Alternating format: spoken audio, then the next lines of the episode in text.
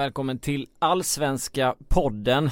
Det här är väl förmodligen näst sista avsnittet för säsongen. Med tanke på att vi har en omgång kvar. Vi fick ju en eh, speciell eh, näst sista omgång kan man lugnt säga när eh, Daniel Sjölund av alla människor hoppar in och eh, gör 3-2 till Norrköping.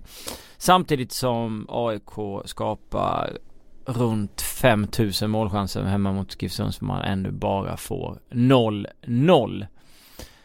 Frida Faglund, välkommen. Tack. Spontant. Om vad? Förra omgången. Den avslutades ju lite trist får man ju säga. Med att... Eh, är det där du börjar alltså? Ja men jag tycker ska vi inte bara få det Jo kör. Kör. Trelleborg har åkt ur. Ja. Det är ju trist men eh, tar man inte fler poäng än, vad var det, till slut 15 poäng på 29 matcher.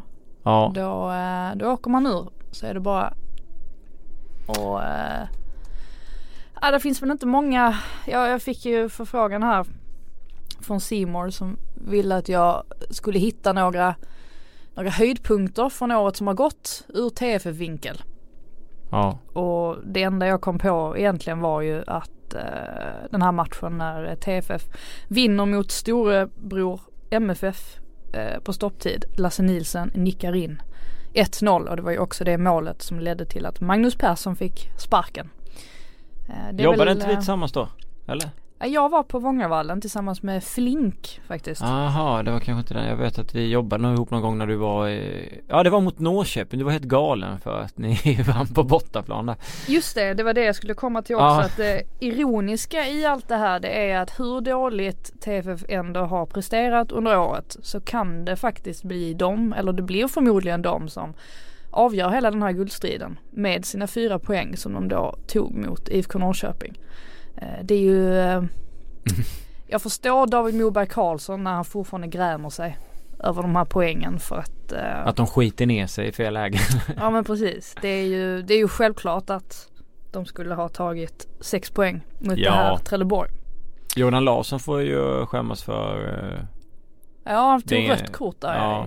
Men bortamatchen, eller hemmamatchen då för TFF så uh, Norrköping skapar mål, målchanser men det är sådana där matcher som man måste vinna men som man inte vinner men som AIK har lyckats. Typ Sundsvall borta till mm. exempel. Sparka in en boll i slut.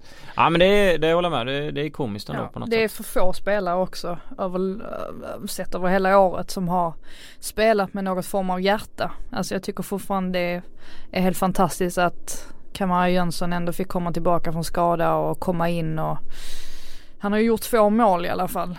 Eh, det förtjänar han för att är det någon spelare som verkligen har alltid har kämpat och alltid har, har visat vilja och sådär så, så, är det han. Eh, ja. I övrigt så är det Felix. för många spelare som skiter fullständigt i hur det går och det, det irriterar mig något, något fruktansvärt. Sen borde ju rimligtvis också, jag tycker det är märkligt att när man känner på sig att man sitter helt i brygga i augusti när man har förlorat så många matcher i rad Mm. Varför, varför, varför gör man inte en radikal förändring? Det är ju så mycket mer värt att stanna kvar i allsvenskan rent ekonomiskt än att ja. åka ur. Varför gör man inte en förändring? Varför, varför tar man inte in Tom Prahl som huvudtränare? Varför kanske, vågar man inte förändra? Han kanske inte vill. Nej, och sen tror jag också att det blir lätt så i en klubb som inte har speciellt många ögon på sig.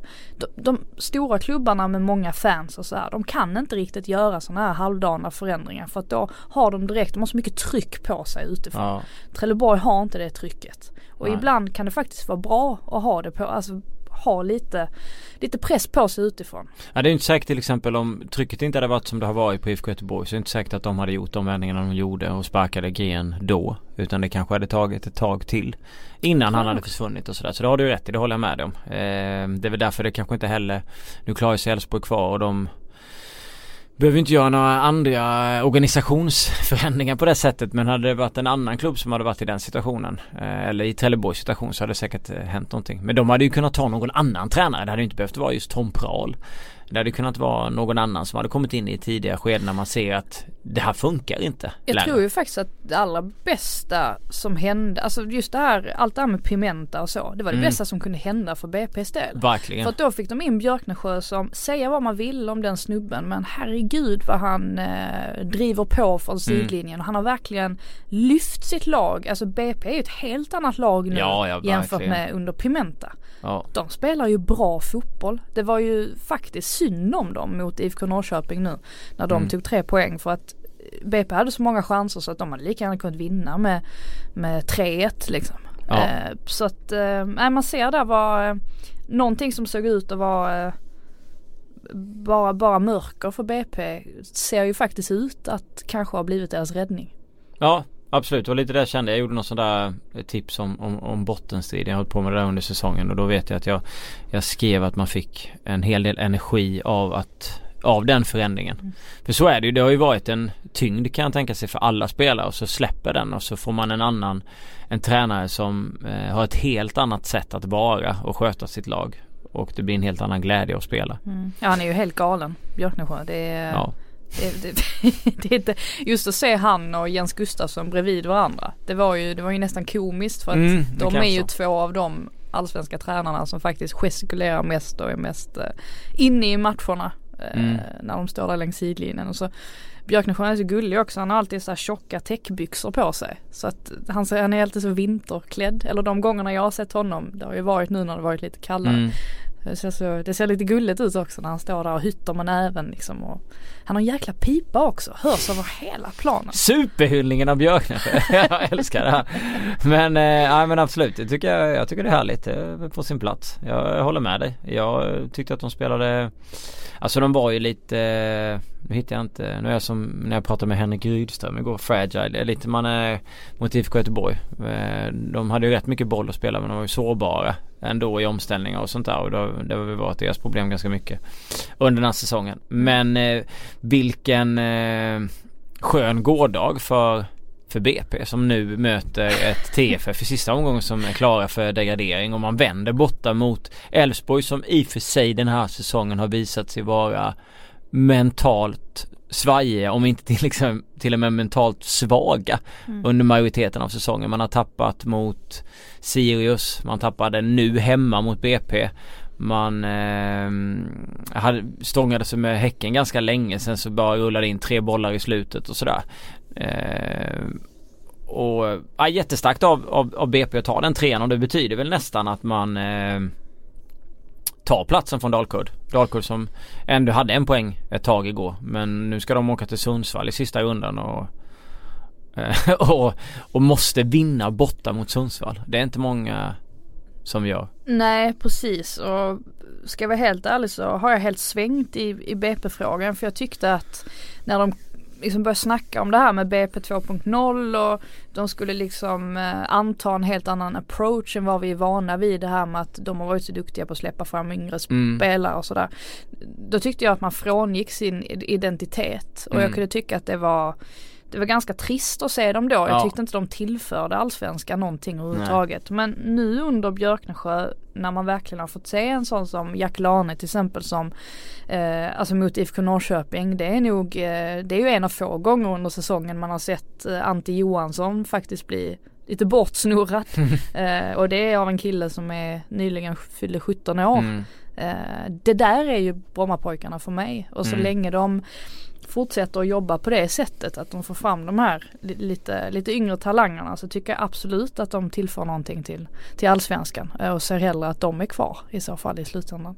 Och man ser ju också samtidigt på den här truppen och man förstår kanske varför vissa spelare pratar som gjorde inför säsongen att det finns ju ändå någonting mer än Alltså vi har ju sett att det finns något mer än vad Pimenta fick ut. Pimenta fick ju inte ut någonting av det här laget. Eh, Nej och jag som och sagt, det vi- känns ju ändå lite snackade ju- spännande om de nu får vara kvar. och Så. Ja och vi snackade ju om det att eh, det var väl vi två som var, vi var väl på Hammarby BP när eh, BP blev Ja, totalt herregud. Ja. utspelade. Att de var naiva och Ja, vi, vi kom väl fram till det att det var länge sedan man ens såg ett lag vara så naiva som Ja. BP var i den matchen. Ja. Sen blev det ju en liten förändring efter den matchen minns jag för att då, då blev de lite mer att de, de stod lite lägre ändå med laget. Mm. Alltså var inte lika så här framåt. Men då var det som att det fungerade ändå inte för då blev det någon sorts halvdant mittemellan. Mm. Men med Björknesjö så är det mer rakt spel och, Mm. och det, det har ju mer passat det här materialet på ett Absolut. annat sätt. Och det är ju troligtvis därför de kommer klara sig kvar nu i slutändan också. Mm. Eh, Teleborg är ute. Eh, tyvärr då för, för Frida Dalkurd ser ut att följa med ner och BP blir det kval för medans lagen över IFK Göteborg, Sirius, på Kalmar och så vidare är klara. Jag var och tittade på Sirius Kalmar FF igår. Ni kan läsa en intervju som är eh, det beror på hur man ser det men eh, underhållande eller ja eh, kanske lite kaxig från Henrik Rydström som pratar inför inför mötet med AIK. Han har ju en speciell relation med de supportrarna och han är ju inte så, vad ska man säga, blyg. Och jag skulle nog nästan säga att han är mer taggad på den här matchen än samtliga som spelar i AIK. eh, oerhört eh, öppen, ärlig och eh, eh, trevlig ändå måste man säga. Det var, det var roligt att prata med honom igår. Och det var roligt att se Kalmar också för en del ska jag säga i första halvlek framför allt. Ett ungt Kalmar som vi har sett många matcher och tittar man på dem mot Hammarby där de stod utan utan forwards i försvarsspelet och knappt spelade fotboll så spelade man verkligen fotboll mot mot Sirius. Sen tar man väl lite dåliga beslut ibland och borde kunnat gjort fler mål. Men det rullar ändå på på ett imponerande sätt tycker jag. Eh, och Rydström var också en sån han liksom man går fram och tillbaka ut till de här vattenflaskorna som står. Han vill sparka på dem ibland. Han skriker saker så går han tillbaka, muttrar mot bänken, sätter sig ner. Sitter där ett litet tag, ställer sig upp, går fram igen och håller på så här. Och han pratade efteråt om att han kanske behöver gå en, en kurs i att eh, Anger management. Ja men lite så. För att hans frustration går ut över spelarna menar han på. Så han är väldigt öppen med sådana saker, inga problem alls med det eh, och så så att, nej men det slutade 1-1 och det var ju sista fighten också på eh, gamla studenterna. Så nu blir det ju nya arenorna till nästa år. 10 000 ska den väl rymma. Jag tror att den blir helt klar till 2020 men den ska ändå vara spelklar till, till 2019 Det, det tackar vi för faktiskt. Eh, Ogbo och Persson lämnar ju och det blir nog Mm. eh, tufft för dem att, och, eh, att fylla den luckan. Ogbo är ju en, en fin fotbollsspelare. Inget snack om saken och Persson är duktig med. Så. Ja, Men, men, vad, men vad tror du då? Det, av, av det du såg av Kalmar igår, kan de förstöra den här guldfesten? Ja, jag jag tänkte att vi skulle komma till den frågan om 20 minuter efter vi hade betat av de två. 20 minuter? Ja men typ. Okej. Eh, nej jag tänkte ta det här med det vi fick se. Eh, vi, den här eh, den här eh, helgdagen där vi började och fick titta på ett IFK Norrköping som hade det mesta av bollen och trots det så bara bam rakt i käften Filip Rogic var det väl innan paus. Får jag, ska jag berätta hela den här scenen när jag kommer till Friends? Nej. Eh, ja vi kan ta den sen. Nej Johan Battisson var det och sen så kommer Moberg Karlsson och gör två mål på sex minuter. Det är 2-1. Vi Simon och alla andra tror jag att det är Andreas Johansson. Hela arenan tror jag att det är Andreas Johansson som har gjort det där. Eh, och sen kvitterar Igbona Nicke. Och sen då så kommer Daniel Sjölunds eh, 3-2. Det betyder då att guldstriden levde. Nu kan du ta ordet om du vill från när du fick se mig Mm. bank och boom. Nej, men jag, var ju, jag var ju väldigt taggad på den här matchen eh, på förhand. Eh, AIK Sundsvall då. Eh, av den enkla anledningen att det var många biljetter sålda och eh, vi kunde möjligtvis få se en planstormning och, och sådär. Det var ju mycket på spelen då. Eh, kommer in i, i pressrummet. Där sitter eh, Fredrik Jönsson, Simon Bank och Per Boman. Vilken fantastisk trio. eh, och ser liksom ut som att de har sålt smöret och tappat pengarna ungefär. Eh, det var inte alls någon entusiasm. Det var inte alls för att ni, ni kände väl på er typ att, ah, för, eller eh, vinner inte Norrköping det här då, då är det ju, då är det ju över. Ja det är så tråkigt innan det ens har börjat. Ja. Och så gör Sjölund det här målet. Alltså jag har aldrig sett sån eufori. Det var länge sedan jag såg sån eufori från eh, från er Ja. sida. Just för att eh, det hade ingenting, det har ingenting med AIK att göra egentligen. Nej. Utan det var bara för att få lite mer spänning i det hela. Ja, ja vi, när, när, när eh, Johan Battisson gjorde målet där så eh, ja då var det ju kört. Mm. Då, kände, då kände man att den här matchen på, på Friends som kommer vara över 50 000 personer på spelar ingen roll och då gick lyften nu och man kände så här rent sagt fan vad tråkigt. Eh, men som du säger, eh, ja, jag, jag minns det där själv. Eh, Bank satt och tittade på, på Simon som laggar efter och eh, Boman följde slutminuterna på någon livescore och jag följde dem på ett eh, spelbolag som jag inte behöver nämna. Och spelbolaget ligger lite före så jag hoppar ju till när det här målet kommer och de andra tror inte på mig. Eh, alltså just att det är Sjölund också. Sjölund är kul. Han, ja, han kommer in med och, i 92 och då tänker man ju inte att han kommer in för att han ska nicka in i bollen utan han kommer in för att han ska kanske slå in någon boll och sådär så att andra kan försöka mm. Slå in och så är det han som gör den och det blir helt plötsligt ett genidrag av Jensa att, att plocka in Sjölund i sin, i sin sista fight. Uh, ja det var mycket som var speciellt där. Uh, Sen, Norrköping var ju det bättre laget utan tvekan då. Sen ska det ju sägas att visst vi, vi kliver av den där matchen med 0-0 och liksom det är antiklimax och luften går ur en, en hel arena men alltså att AIK inte gör mål i den här matchen är ju helt sanslöst. Ja. Med tanke på vilka lägen man ja, har. Ja, de hade ju, om de har haft ribba in större delen av säsongen så hade de definitivt ribba ut gång på gång genom hela den här matchen. Ja det är så brutalt eh, på något sätt för eh, för, för alla de som har gått dit också för att de tänker ju att de ska vinna det eller få se ja. sitt lag fira guldet och det är så brutalt för,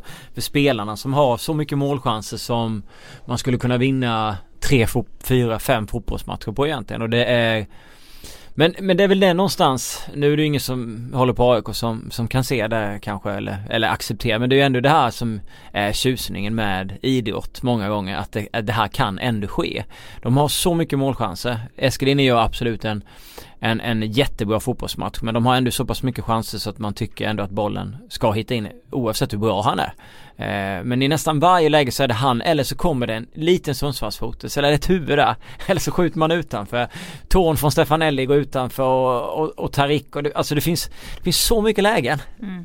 Sen, Sundgren eh, när han sköt stolpen, då var jag helt säker på att skjuta i stolpen och så träffade ryggen på målvakten. Ja. Och så går den ändå inte in. Sen tycker jag väl att det blir en markant förändring när Sebastian Larsson tvingas Ja, utgå. verkligen. Eh, det blir sämre mm. eh, hela AIKs spel. Och eh, sen tycker jag väl att när AIK till slut får en jäkla, ett jäkla tryck mot mm. eh, Sundsvalls mål. Ja då slänger någon idiot in den här bangern som ja, liksom verkligen. förstör hela rytmen i spelet. Ja. Eh, och det lät ju faktiskt som att det kom från Sundsvalls sektionen. Jag vet att det var många AIK som gick bananas också för att de, de tyckte också att det lät som det men av vad man har läst i efterhand och från vittnen och sådär så var det väl trots allt en, en aik från tredje etage som, som kastade in den och det kan ju ha varit det dummaste han har gjort eh, i hela sitt liv. Eh, om det nu mm. skulle visa sig bli så förödande så att man, han förstörde ju kanske en, en hel Guldfälls den kvällen. Uh, han kanske har förstört mer än så. Det, det får vi ju se. Det var ja. inte smart i alla fall för att där Nej. kändes det som att det hängde i luften. Ja. Han hade verkligen, verkligen momentum i det läget. Det är inget snack om saken. Mm. Hade, man hade ju momentum under stora delar av matchen men det kändes verkligen som att det hängde ett mål i luften där.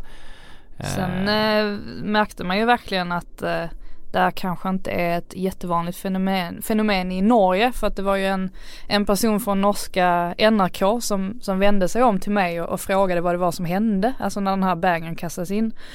Försökte förklara att, nej men det var, det var en banger, sa jag. Och han bara tittade på mig och, vad är en banger liksom? Jag bara, nej men ett knallskott, sa jag knallskott. Jag bara, men det är, som, det är som en liten bomb, sa jag. Och han bara tittar på mig som att jag bara, ja. han måste ha undrat liksom, var har jag hamnat? det, nej, så att eh, antiklimax i, i matchen och eh, efteråt var ju inte AIK-arna de var inte jätteglada. Eh, det är inte ofta som Per Karlsson nekar en att eh, prata till exempel. Han Nej. har alltid gått ut och ställt sig och snackat där ja. tidigare. Men eh, det gjorde han inte den här gången. Sundgren hade ingen lust att göra det heller. Milosevic fick vi ingen chans att fråga ens för att han smet något annat håll. Så att där tog ju hårt på dem. Nu, ja verkligen. Nu gäller det för dem att ladda om ju. Alltså om det ska Men bli... jag, jag pratade med Kristoffer Olsson om det där. Han sa att eh, ropar man på honom så stannar han Han är den, en av de mest professionella fotbollsspelarna Absolut. man har träffat. Han ställer alltid upp. Och eh, man kan ju tycka ja bu bu synd om journalister men det handlar ju lite om att eh, folk som också sitter på läktaren vill ju höra vad spelarna har att säga efter en match. Eh, fansen vill det inte så att vi står och ställer frågorna av privata intressen utan vi ställer frågorna för att det finns ett nyhetsvärde och för att supportrar, personer är intresserade av att höra vad vissa spelare har att säga. Spelarna har att säga efter matcher. Ehm, och sådär. Sen kan man ju självklart vara nyfiken själv som journalist men man gör inte det privat. Man gör det i jobbet och man gör det för andra. Man gör det för sina läsare. Och därför tycker jag det är oerhört dåligt av eh, spelare att inte ställa upp i de situationerna som Sundgren skriker lite som tag någon annan. Det är lite som att åka ner till guldfesten så när guldet är klart och han kommer fram så säger nej jag ska ta någon annan. Och så du får gå bort dit istället. Alltså så funkar det inte. Det, så att jag tycker inte att Jag tycker man ska, eh, man ska ställa upp och prata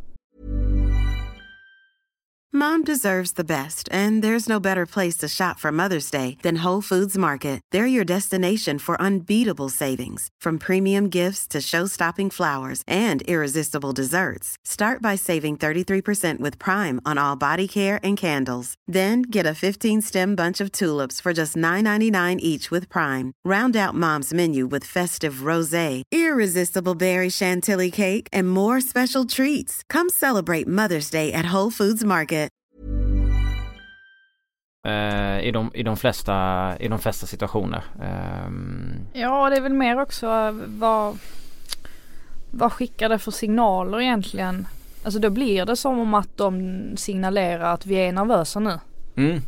Uh, med det sagt så majoriteten av spelarna klev ju ut och snackade. Ja det, det var, ju bara de tre. Det var ju bara de tre. Rasmus Lindqvist kom ju efteråt. Han hade ju inga problem att stå där. Nej, nej. Och han kunde, uh, ja. Inga problem alls. Så att um, jag tror att det skickar bättre, det sänder nog bättre signaler eh, till andra lag och sådär om man ändå kliver ut och säger att ah, vet ni vi hade tusentals chanser den här matchen.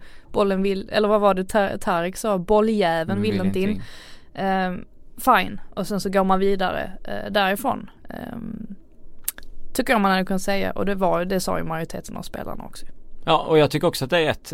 Jag tycker att eh, vi pratade om Sebastian Larsson senast. Han gick ut efter och pratade och nu ställer han sig och pratade efter sin skada. Även om han säkert har läst eller fått information om att folk tycker si och så om hans firande så det är inte så att han ställer sig i en sån intervju heller och säger pika utan han är ju väldigt väldigt professionell också ja. i, i den situationen så att Så tycker jag att man ska vara om man förväntar sig att man ska få samma Samma tillbaka någonstans så att, eh, Men mm. ja men det var de tre eh, Men med det sagt kan det, alltså det det sjuka är ju att Norrköping som har smugit där bakom eh, nu de senaste månaderna. Skulle det vara att de nu går och vinner det här guldet, alltså det kommer ju vara Det kommer ju vara historiens kollaps. Ja.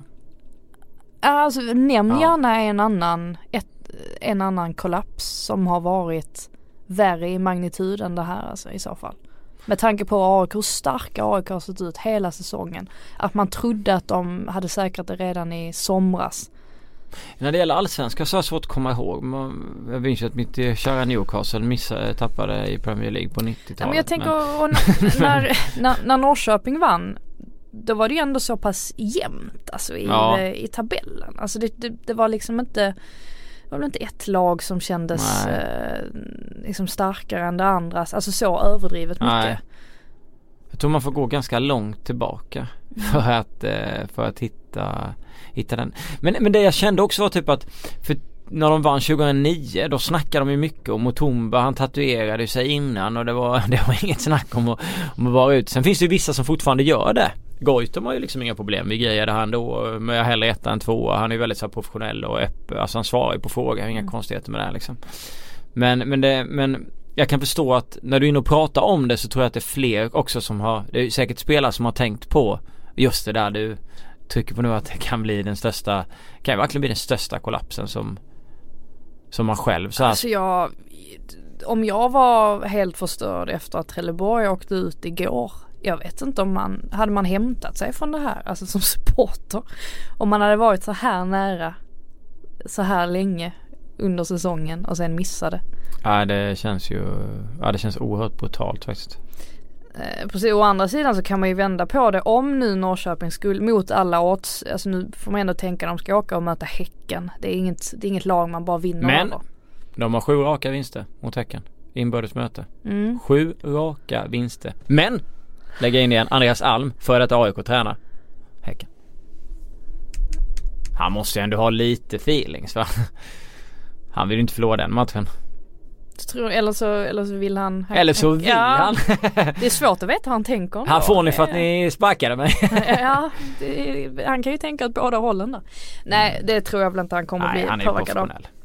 Men ehm, och med tanke på att Norrköping är det enda laget som har besegrat AIK i år. Eh, de plockade en poäng på bortaplan så vore de ju inte, jag vet att man sitter och säger att AIK vore värdiga SM-guldvinnare och det står jag för. Det tycker Ja. jag verkligen att de att de eh, skulle vara. Eh, Men det är väl klart att om Norrköping nu springer om i sista stund och kniper SM-guldet istället så tycker jag inte att de är mindre värda det. Nej. Just eftersom att de faktiskt har, är det enda laget som har besegrat AIK i år. Så att, Ja. det, herregud vad rafflande det kommer att vara på söndag. Det, är, det allra bästa med det här är ju trots allt att matcherna går samtidigt också. Så att, eh, Inte man inte har två tv-apparater ja men jag Va? Nej men att de går som avspark. Man vill ha två tv-apparater så man kan se båda samtidigt ju. Jo men att det är samma avsparkshit. Ja jag vet, jag vet, jag vet Jag vet, jag vet, jag, ska, jag Så man kommer få sitta på det här, sitta på guldfågeln där och ha på den andra matchen och se vad som händer. Mm. Eh, men då har vi gått igenom att, eh, att folk inte stannar, att spelare inte stannar den, den rafflande grejen. Vi har även nämnt att Norrköping har sju vinster mot Tecken, bra form och har ju ett enormt mentalt lyft med tanke på hur sent de gör det där målet. Eh, det, är inte, det är mycket mer mentalt skönt eh, just nu för Norrköping. Sen är det ju en en extremt skön känsla för AIK å andra sidan för att det är de som är etta och Norrköping är tvåa Ja. och man vet att det räck- räcker med ett kryss och det är ju liksom Och jag tyckte att just den här vinsten borta mot Östersund, alltså där visar de ju enorm styrka. AIK. Mm. Så att eh, Ja det var ju jag tror att de fortfarande starkt. kan hämta kraft Ja därifrån. absolut, inget snack om saken. Eh, det är ju ändå, det var ju något uttalande där efter Östersund. ehm, att man får domslut emot sig. Jag har sett också att en del folk lyfter just den här frågan att det är mycket saker som går emot mot AIK. Håller du med om det? Jag tycker att alla andra har sagt tvärtom. Jaha. Att de tycker att AIK Kanske har bara det jag ser då. med- Ja, är inte det lite sådär att det beror lite på vad du har för typ av Twitterflöde och sånt. Du, så kommer du i kontakt med, med antingen den ena sidan eller den andra. Jag menar tidigare så har man ju alltid hört SVMFF.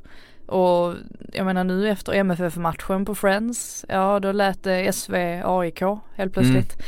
Alltså, det, det, kommer ju gå. Sen, sen med det sagt så tycker jag väl inte att jag, jag och Kalle Karlsson hamnar faktiskt i en hetsk diskussion om det här Oj, ja. röda kortet på Adu. Ehm, som jag inte tycker är rött kort. Jag tycker att det är ett gult kort. För jag tycker att det han gör det är vårdslöst. Ja. Absolut. Jag tycker inte att det är så pass våldsamt. Att det Nej. förtjänar ett rött kort. Eh, och sen vill jag lägga till tre minuter in i matchen. Men då vet jag att det blir ett jäkla liv för att ja, en regelbok är ju skriven som en regelbok. Den är inte skriven så här ska du döma de tio första minuterna Nej. eller så här ska du döma efter en halvtimme. Eh, men jag bara menar att man kan ha lite känsla också. Ja. Eh, Men jag tror man ska vara nöjd med, med vissa domslut också. Det är ju, I min bok är det helt otroligt att det bara blir något fnuttiga gula kort efter efter de scenerna i slutet på AIK och Malmö FF. Men då vi- visar ju disciplinnämnden att det är helt okej att eh, ryka ihop och bråka i slutet på fotbollsmatcher. För du kan bara räkna med några gula kort och inte några röda. Och så stänger man av Adu en till match Ja, istället. exakt, att- ja, Men det är ju disciplinnämndens fel. ja de, de får ju Eh, hitta någon. Ja det är ju, jag tycker det var alltså pinsamt agerande. Man måste markera eh, i en sån situation. Så att jag känner väl inte riktigt att jag eh, tycker att de har haft så mycket domslut emot sig. Jag tycker att man nog får se the big picture där. Eh, sen så tänkte jag på en sista grej när det gäller AIK. Det är ju mittfältsfrågan. Pratade med Kristoffer Olsson efteråt. Mm. Han tyckte att det såg bra ut spelmässigt då. Men då vände man på frågan och, och sa att det kommer ju saknas typ samtliga som spelade idag. Och Mm. förmodligen den som brukar spela i Ado då. För att Panos gick av skadad. Mm. Ado avstängd en till. Olsson avstängd. Och sen Seb Larsson. Sen tror jag väl att Panos, eh, eller eh, Sebbe spelar, kanske till och med båda. Men det är ju ännu en svår situation där. Det blir ju att Tarik eventuellt får gå ner. Eh, Abdis kanske får spela mer. Jag vet inte. Mm. Eh, det, det är väl de, de bitarna. De har ännu lite svårt där. Och, och skulle då Romario och Rasmus Elm ha en fin dag i Småland så kan det bli oerhört jobbigt. För det är två klassspelare när de har sin dag.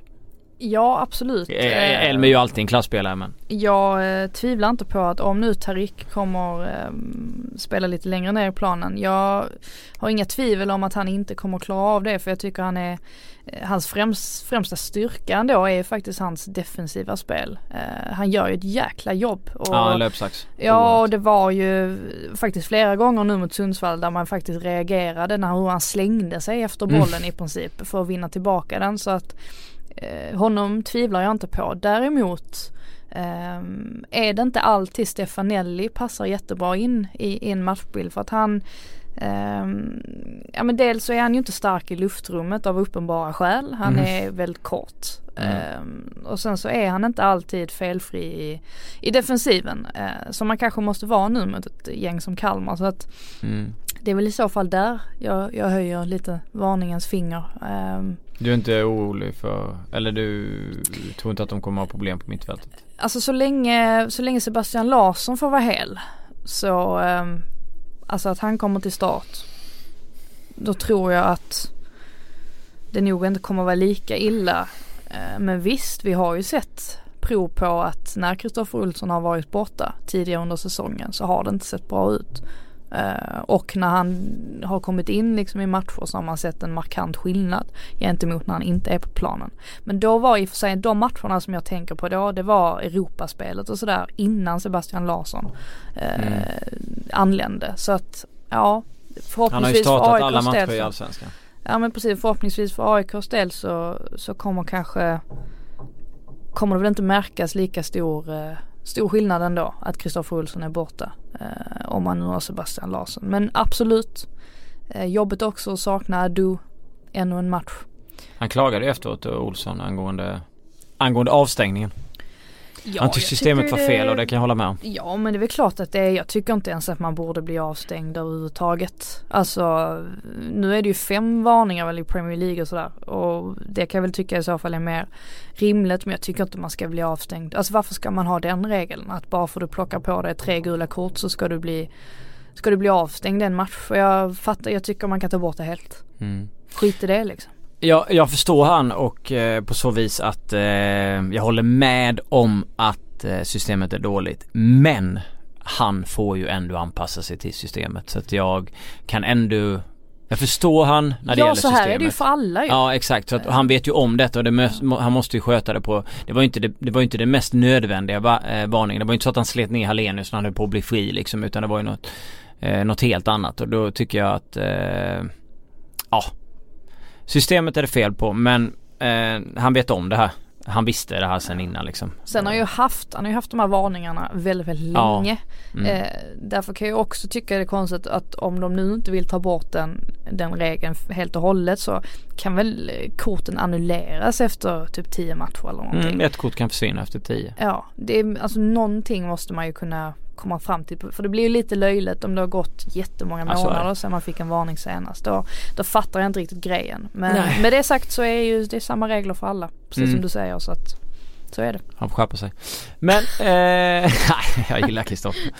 Men eh, Kalmar är motståndaren och jag eh, tror att eh, det kan, de vann väl hemma mot Kalmar, gjorde de inte det? Eh, Goitom satte jo, den på eh, straff. Jag kommer inte ihåg den matchen. Jo jag minns den faktiskt.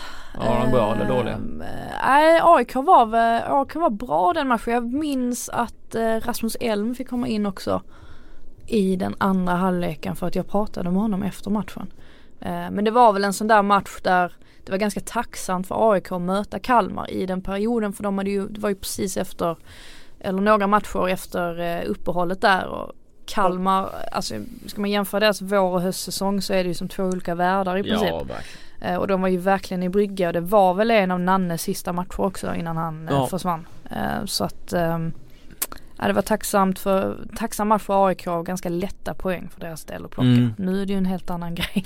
Ja verkligen, men på våren så slog ju Malmö där i någon märklig fotbollsmatch och sen så tog de ju poäng mot Hammarby med minns jag. Sen så var det ju en rad uddamålsförluster mot Djurgården och Häcken och ja vad det nu var. Eh, man vann väl egentligen bara mot IFK Göteborg och någon annan klubb lite längre ner i systemet under, under den perioden när det var, när det var jobbigt. Eh, men Eh, just att det, jag tycker det är spännande då att de kan, att de spelar på de sätten som de gör. Att de, som vi såg mot Hammarby, att de kan ligga så pass långt ner, ändå vara disciplinerade och komma därifrån med en poäng och jätteimponerande. Eh, försöker de ställa om sen liksom och Eh, och ha två forwards när de anfaller. Eller som när de lirade igår att eh, de spelar mer en, en, en 3-4-3 eller 3-5-2. Mm. Men mer offensivt än, än en, än en 5-2-3. Och trillar liksom boll, rullar mycket och Romario mm. använder sin, den långa ibland och så spelar de eh, kort och sen många spelare som också gärna går på genombrott. Problemet med det när, när du är ung eller det kan vara så när du är ung är att du du går på lite för mycket genombrott och kombinationerna funkar inte. Att det blir liksom så här enmansattacker emellanåt. Men jag tycker ändå att de ser intressanta ut och det ska bli kul att, att se hur vidare AIK väljer att eh, då kliva in och ja, försvara. Eller om de väljer kliva in och, och köra. Alltså det som måste vara skönt för AIKs del det är ju att veta att trots att de var tio man mot Östersund som också är kända för att vara duktiga på att trilla boll. Ja. Så, så var Östersund Alltså de hotar ju inte AIK mer än där på slutet när Mukibi liksom kommer mer inåt i ja, planen. Eh, då, blir, då blir det lite farligt men i övrigt så har ju AIK stenkoll på Östersund mm, med en man mindre. Eh, så att jag tror att med det, vetskapen om det så kan de gå in i den här matchen och, och känna sig ganska lugna i att så länge vi, vi sköter vår defensiv precis som vi har gjort hela säsongen så ska inte det här vara några problem Nej. överhuvudtaget. De kan ju egentligen spela på jag tycker ju inte de ska spela på ett oavgjort resultat Nej. men du förstår vad jag menar. Ja. Alltså de kan gå in med inställningen att vi behöver inte köra 100% från början egentligen för att som sagt det räcker ju, de har ju så pass mycket bättre målskillnad gentemot eh, Norrköping att det räcker ju inte att Norrköping vinner och AIK kryssar utan det ska ju faktiskt till ja. ännu lite till för ja, att det ska det kunna hända. Så att ja, de får ju förlita sig på att på att de har gjort det bra eh, under, under eh, säsongen så här långt. Liksom. Det är ju tufft det där. Eh, när man ska under, under matcher välja att eh, antingen gå för tre. Nej jag menar inte, jag menar inte ja, att man ska nej, jag vet, utan nej, nej, nej, ta det lugnt liksom. Ja, absolut, Andas. Ja, nej men jag tycker att det är svårt. Eh, Goitom sa ju det att eh, vi kan ju inte åka ner och gå efter en poäng även om jag förstår vad du menar med att vi bara behöver en poäng när vi stod och pratade om det. Mm. För att det är ju det är en, det är en sån här mental. Sen så kanske du någon där på sig en onödig frispark och så får Elm på en bra smäll och så är det 1-0 till Kalmar och så ja. har du en helt annan situation. Jag menar bara att man ska inte ha, man ska inte ha panikkänslor. Nej det, nej, det ska man inte ha. Utan man ska kliva in ja, med, med, trygghet. med lugn, ja precis tryggheten ja. om att man man kommer vinna den här matchen om man bara spelar som man har gjort mm. eh, under hela säsongen. Mm. Men just det spelet tycker jag ska bli jätteintressant att se. Eh, vem som, ja hur, vi, hur Kalmar väljer att, att köra och, gentemot mm. AIK om, om de väljer att spela fotboll här. Mm. Eller om de väljer att, att, att stå, stå upp. Ja men äh, kudos till Norrköping som håller, ja. håller liv i den här guldstriden ända in i slutet. Det trodde man ju verkligen inte. I, Nej men tänk så mycket kärlek, eh, eller kärlek, så mycket beröm ska jag säga. Uh, ja det kan man väl se som kärlek också men, men eh, AIKs eh, säsong har fått av så många för mm. att de har varit så imponerande bra, stabila, defensivt fina och avgjort när de behöver och så vidare. Men alltså Norrköping har inte fått i närheten lika mycket och det är ju blir väl inte riktigt så heller. Storstads eh, Stockholmslag och, och, och mycket supportrar och det blir ett annorlunda tryck. Eh. Nej absolut. Sen, sen, blir jag lite förvånad när jag hör att folk generellt tycker att man har underskattat Norrköping. Nej det har man inte gjort. Nej det är inte samma sak. Jag, det har inte hängt nej, ihop. Jag, jag upplever inte det alls. Jag tror jag hade de fyra i mitt tips. Um, och det var ju baserat på att de gjorde en sportslig satsning. Tog in många bra namn som man visste liksom. Nu har ju Jordan Larsson kanske inte mm. fallit mm. jätteväl Nej. ut men man visste om att alltså Simon Tern liksom, där kommer han tillbaka och är hungrigare än någonsin och ska visa liksom allsvenska ja. vem han är och man har andra spelare som, som har varit där ganska länge nu och som liksom trivs i klubben och eh, liksom ja men blandning av gammalt och nytt så här på, på ett väldigt mm. bra sätt och man spelar en trevlig fotboll och man har en tränare som har varit där länge nu. Eh, mm. Så att jag tyckte liksom inte att, jag tycker Nej. inte det är konstigt att Norrköping är där uppe. Sen med facit i hand så man får inte tappa poäng mot lag som Trelleborg till exempel. Eh, för att då, då är inte chansen speciellt stor att man tar samma poäng just nu. Ja precis. Inte sista rundan. Och det kommer de nog gräma sig över Ja, eh, väldigt länge. Absolut. Nej men det är väl lite som att, eh, att det blir mer eh, hås och sånt kring eh, AIK kontra Norrköping när det går bra är samma som att det blir mer kring IFK Göteborg kontra Elfsborg när det går dåligt. Att det blir mer skriverier. Ja, och sen får vi komma ihåg att det är ganska länge sedan AIK vann guld nu. ja. Det är ju 2009 och då är det klart att det blir mer, eh, Mm. blir mer skriverier ehm, på, så, på så vis också av den anledningen. Eh, sen lever ju, alltså nu IFK Norrköping har säkrat en Europaplats men jag menar den tredje, tredje platsen där lever ju fortfarande. Eh, Absolut. Det är, MFF är nog ett annat lag som också grämer sig med tanke på vilken fin höst de har gjort. Ja, hade de bara plockat några fler poäng i våras då hade de också varit med där uppe ju. Så att, Mm. Ja. Men de, just de platserna däremellan tycker jag är svårt 1-6. Jag, jag vet att jag satte Norrköping längre ner för att jag trodde väl inte riktigt. Jag hade mer Jag förväntade mig att Malmö och AIK skulle slåss om det men sen så vet man ju som du säger att Norrköping har ett bra lag. Mm. Det är inte så att man är förvånad att det går bra. Eh, och eh, jag är imponerad över att de ser ut som, som, som de gör fortfarande. Och jag har, har sagt det tidigare eh, på i vissa forum, jag vet inte om jag har sagt det här men jag tycker att när de har sin dag och spelar sin fotboll så är den oerhört underhållande. Kanske mest Absolut. underhållande i hela allsvenskan. Ehm, jag har ju sett dem göra några riktigt fina matcher till exempel på på Tele2 genom åren. Mm. När de har varit här. eh, Där man har sett dem mer på, på plats med tanke på att man jobbar i Stockholm och inte jobbar i Norrköping. Ja och jag står ju fast vid liksom att de två lagen, de två starkaste lagen som AIK har mött i år det är Norrköping och Malmö. Eh, Absolut. Det tycker jag eh, utan tvekan. Så att eh, det säger ju en hel del. Mm. Vi får väl säga här Malmö har ju en teoretisk chans också att ta tredjeplatsen. Mm. Men i vilket fall så är det ju ganska viktigt ändå att få den där fjärdeplatsen för att Svenska Kuppen kan ju kasta om lite där i Europaplatser med tanke på att det är en till plats som ska delas ut. Skulle det vara något av lagen som redan har en Europaplats som vinner Svenska Kuppen så går ju den platsen till fyran i tabellen. Mm. Så att ehm, det var ju så Häcken fick sin, eh, Mm. sin Europaplats. Så att det är ju viktigt att komma fyra också. Andra saker som hände den här gången som var speciella. Eh, Daniel Sjölund eh, gjorde sin sista hemmamatch som jag sa innan. Det gjorde ju Andreas Johansson.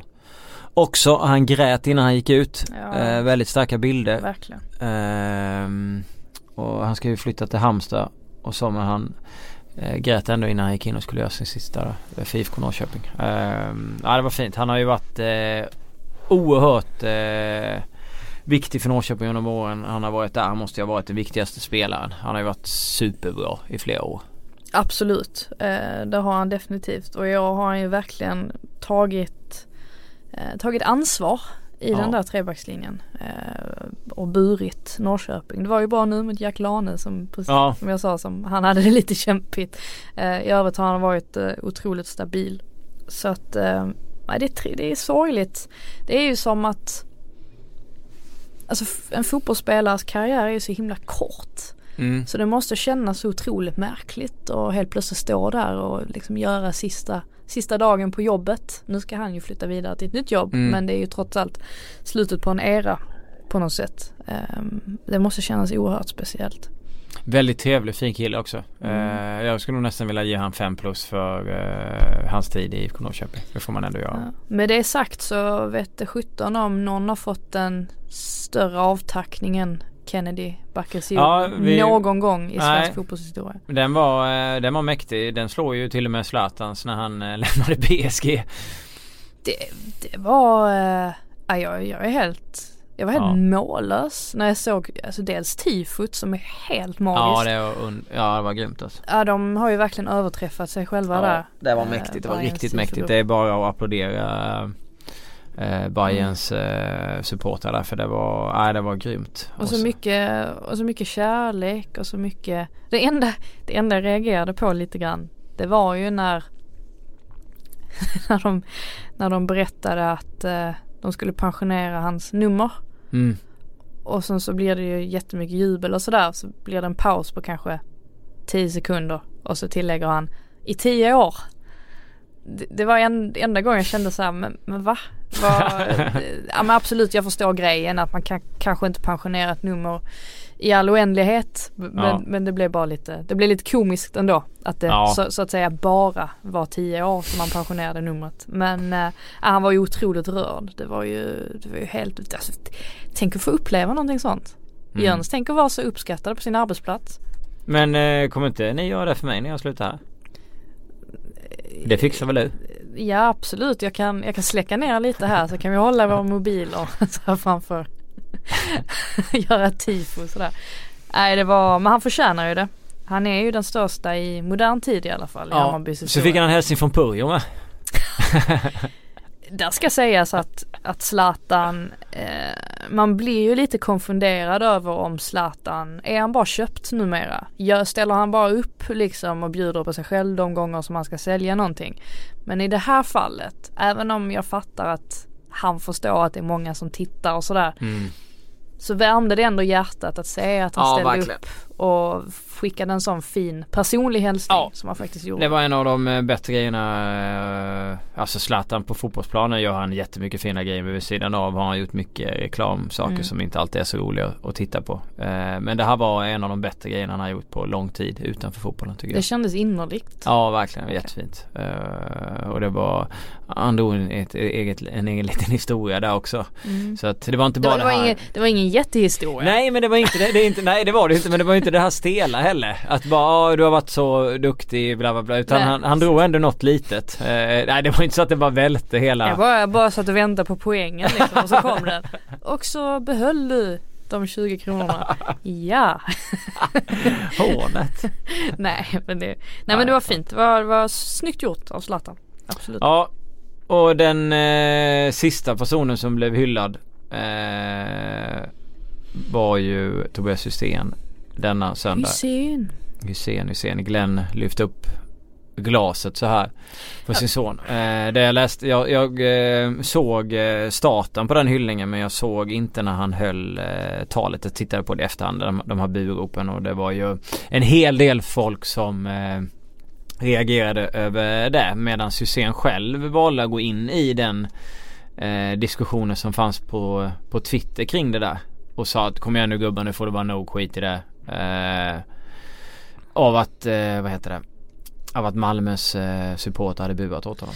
Jag tror Malmös supportrar tänker lite så här att den dagen som Marcus Rosenberg ska tackas av i Malmö beroende på vilket lag MFF då möter så kan vi nog vara rätt övertygade om att de nog inte kommer stå där och klappa och hurra för Marcus Rosenberg. Då kommer nog buas ganska rejält. Sen är ju Hussein en liten annorlunda spelare på så sätt att han har inte dragit på sig så många fiender genom åren. Nej. För att han är en jävligt, ja, han har inte haft samma rykte som, som Marcus Rosenberg har. Men vad fan, jag, jag kan väl också tycka på ett sätt att klart det kanske var onödigt att, Ja. bua men så länge han själv inte tar illa vid sig så finns det väl ingen anledning för oss andra. Nej det var lite det som var min poäng med. Han, han går liksom ut på Twitter så släppte nu gubbar de håller på Malmö. Varför ska de bry sig? Jag är glad att deras supportrar stannar kvar applåderade. Men det säger ju, det är ju typiskt Tobias Hysén också. Eh, det, det är ju en Han är en reko kille. Ja verkligen reko. Hjärtat på rätt sida och har även haft en eh, eh, en bra karriär med landslagsspel och tjänat en hel del miljoner i, i, i Kina och i, i, i England. Eh, tråkigt bara att han inte fick en bättre avslutning. Eh, Kennedy fick ju vinna och Adde fick vinna men för Hussein och kompani de var ju inte ens nära. 0 0-3 va? Mm. Ja. Så att nej men eh, fina fotbollsspelare alla tre. Eh, haft speciella, haft lite olika karriärer men eh, Andreas Johansson var ju i Bochum ett tag. Spelade ihop med Concha. Innan han flyttade hem. Concha. Mm. Bochum. Mm. Tyska andra division. Jag kan, jag kan inte säga Bochum. Jo, Jo. jag är ju bra tysk. eh, Ja du är ju grym. Ja, riktigt sån tyska. Nej så det var, det var en eh, eh, speciell helg. Eh, men hur går det här då? Hur avslutas eh, det här? Blir det AIK som vinner det här guldet? Är du lika säker nu som för fem veckor sedan när vi satt här? Nej absolut inte. Det kan jag ju inte säga att jag är. Men med det sagt så det finns, alltså jag kan inte se Först och främst, jag kan inte se AIK förlora mot Kalmar. Jag kan möjligtvis se AIK kryssa mot Kalmar. Men då spelar det ingen roll ju. Nej. Så att mm, på så vis så tror jag ju fortfarande att AIK kommer ta det här.